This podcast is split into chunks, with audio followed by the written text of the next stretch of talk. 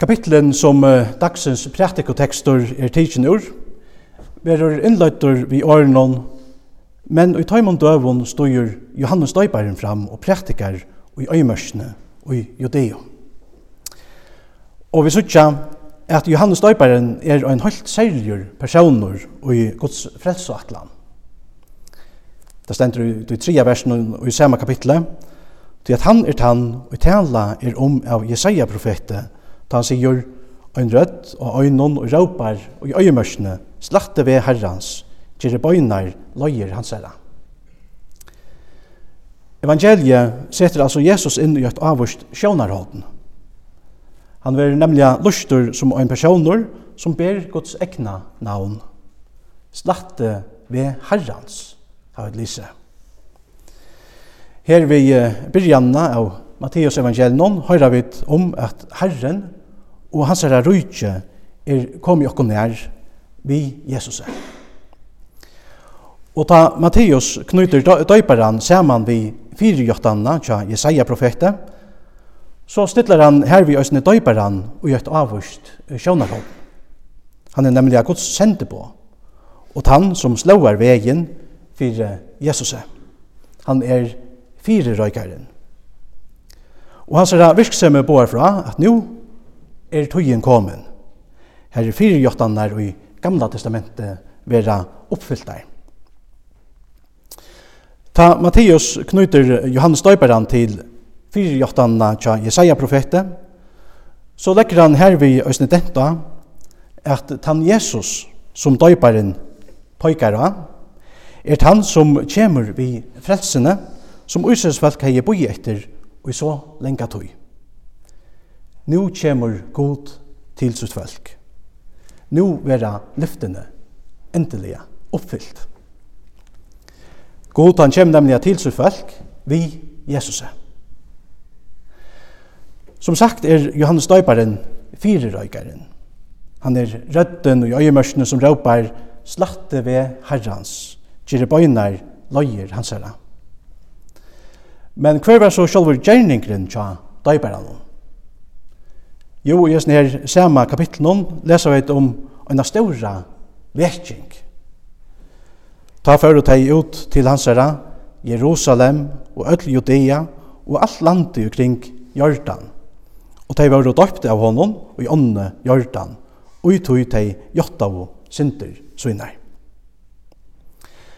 Døyperen praktikei altså en omvendigardåp til fyrirgjevingar syndana.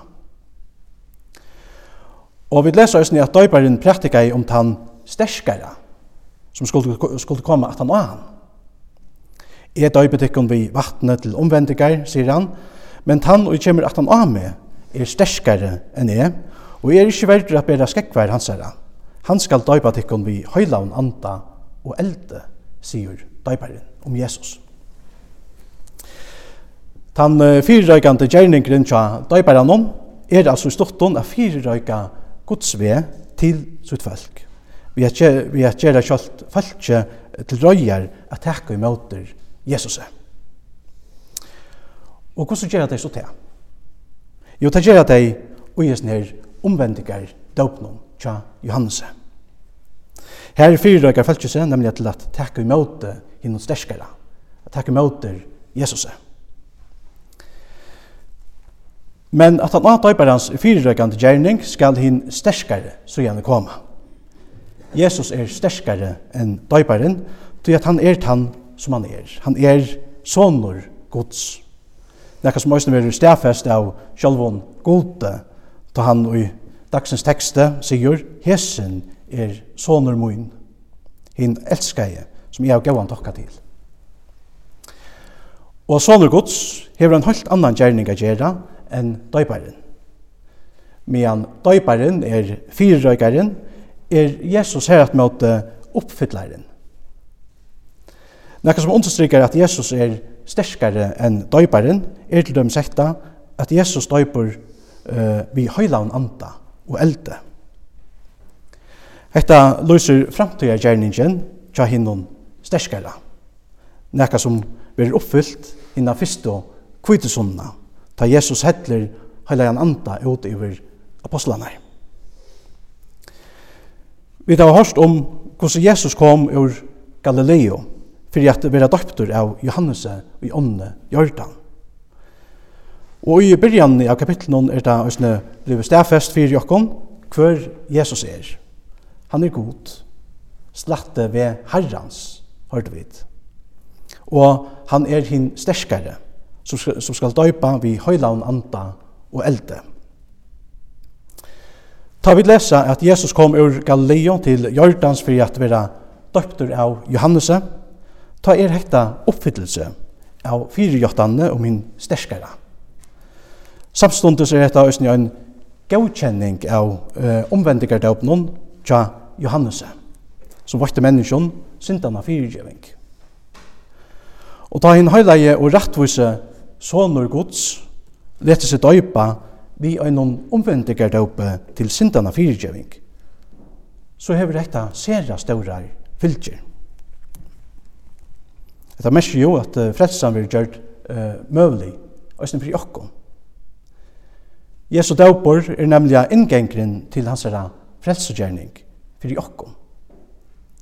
Jesus er sonur Guds, og tess vegna sindafrujur. Men ta hin syndafruje lett seg døypa vi en omvendigar døype til syndana fyrigjeving. Ta mest rett av at han stilla seg i okkara sted. Han stilla seg i syndarans sted. Så gjerne Jesus er sonur gods, så hever han onka synd at jotta. Men i omvendigar døypen til syndana fyrigjeving teker Jesus tøynar og møynar synder av seg sjolvan. Og vi tøynon og møynon sinton av sunnen herron, gjøttar han nu fyrir Guds og asjån, at han hever tidsi avbyrdna fyrir allar okkara synder av seg sjálfan. Jesu døpor er altså avgjerande til at han kjem til Jesu frelsegjerning fyrir okkon. Jesu frelsegjerningen innebærer at Jesus stillar seg i okkara sted, sinter hans sted, og gjerningen han byrjar i døpnon, og verur fullgjørtur av krossen. Her vil høyra Jesus råpa til fullgjørst. Da Jesus byr Johannes døypa seg, sverer han sjåvante, men jeg kunne gjørst nei ut av vera døptur av tær, og så kjem til til moin. Jans er døpur vær som sagt ein omvendigar døpur til sindana fyrtjøving. Fast låt seg døype av honom og tog at de gjort av sina synder. Men hvor skulle Johannes og døypa Jesus? Så han Jesus først hei bruk for omvending etla syndana fyrirgjeving, kunne spyrja. Jo, som sagt, var Jesus døpur inngengren til hans herra fyrir okkom. Det var ui hese løyto vi Jordan onna, at ötla heimsins synd var ført fra okkom og iver av Jesus. Jesus.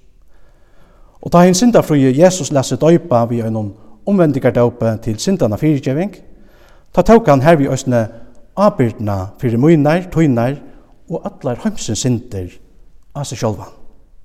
Og etter òsne det som fer Johannes døypar han til at uh, pøyka av Jesus og sier at det kjente årene, så i Guds lampe som ber sint heimsins, eller at tekur bostur sint heimsins. I dagsens tekst har vi også hørt om det som hendte etter døpen. For det første, himmelen åpnet i fyrir Jesse, og Guds ande kom ned i han som en dikva. Og for det neste så sier Gud, Hesen er sånne min, en elskare, som jeg har gåan tokka til. Ta anden kommer ned i Jesus, vil han salvaur av andanen. Etter har vi også vært inne i samband med konfirmasjonsundervisningene. Og her løsningen blir østene stedfest og i Lukas her evangelien, kapitel 4, vers 18, her det stendur, og her Jesus sier, og i tempelen, og i synagogene, Andi herrans er iver mer, av tog at han er salva med til å bæra fatakken glede. Og det er østene stedfest og en ærstandes, her det stendur, søvn om Jesus ur Nazaret, som god salvaje eh, som Gud salva han eh, vi, høylan anda og kraft, han som gikk omkring og gjør det vel og grøtt i ød, som var ytla støtt av gjelnom, til at god vær vi honom. Og i dagsens tekst vil jeg tvei ting stedfest fyrir jokkon vi vujkjande Jesus. For det første, han stiller seg i okkara sted og teker okkara synder av seg sjálfan. Og for det neste, så vil han salva vår av høylaun anda og kraft, til å bære fatakkom, til å si okkom, glede på. Hva kan du to og jeg så bruka alt dette til? Hva tøytning hever dette her for okkom? Jo, et her merker at god til å gripe inn og i okkara liv, tøyt og mot liv, vi frelsene og i Jesus. Enda frelsen, fast øynans og i hånden, som døyparen pøykar av. Han sier, «Søy lampe som ber sint heimsens. Og i det jaua, jeg sier årene i østene til tøynemoen, søykast hos lampe som ber sin tøymsins, og som hever båre tøyner og mynar sinter upp av krossen av Golgata. Hev du takk honom fyrir det. Jesus han lærte seg døypa ved en døype til fire djevngar sintana, fire te og med. Jesus sin røyne og høyleie sånne gods, Tåg tøynar og møynar sinter, og seg sjálvan og hjørtan ånne, og bær der allan vegin opp av krossen. Nian og hetjen, Golgata møt, gekk Herren Jesus fælt fyrir fælt. Fælta av tungli og i under ui, bær varar sinter, vid er og frui. Løsnare døyre, frelsare kære, og heinon eia mot heuma kan te, bluande bærtor, slien og særtor, av sorg og tærtor, døyr fyrir meg. Tøy sømda, sier Øsne, fyrir okkon at sia, lov og tøkk og atler høyur, veritær, godvaron, fægir sine og høylaun anda, som alltid hever vere, er og alltid verer øyn sannur, troi øynur god, ha lovavur fra fyrste opphavet, nu om allar hever. Amen.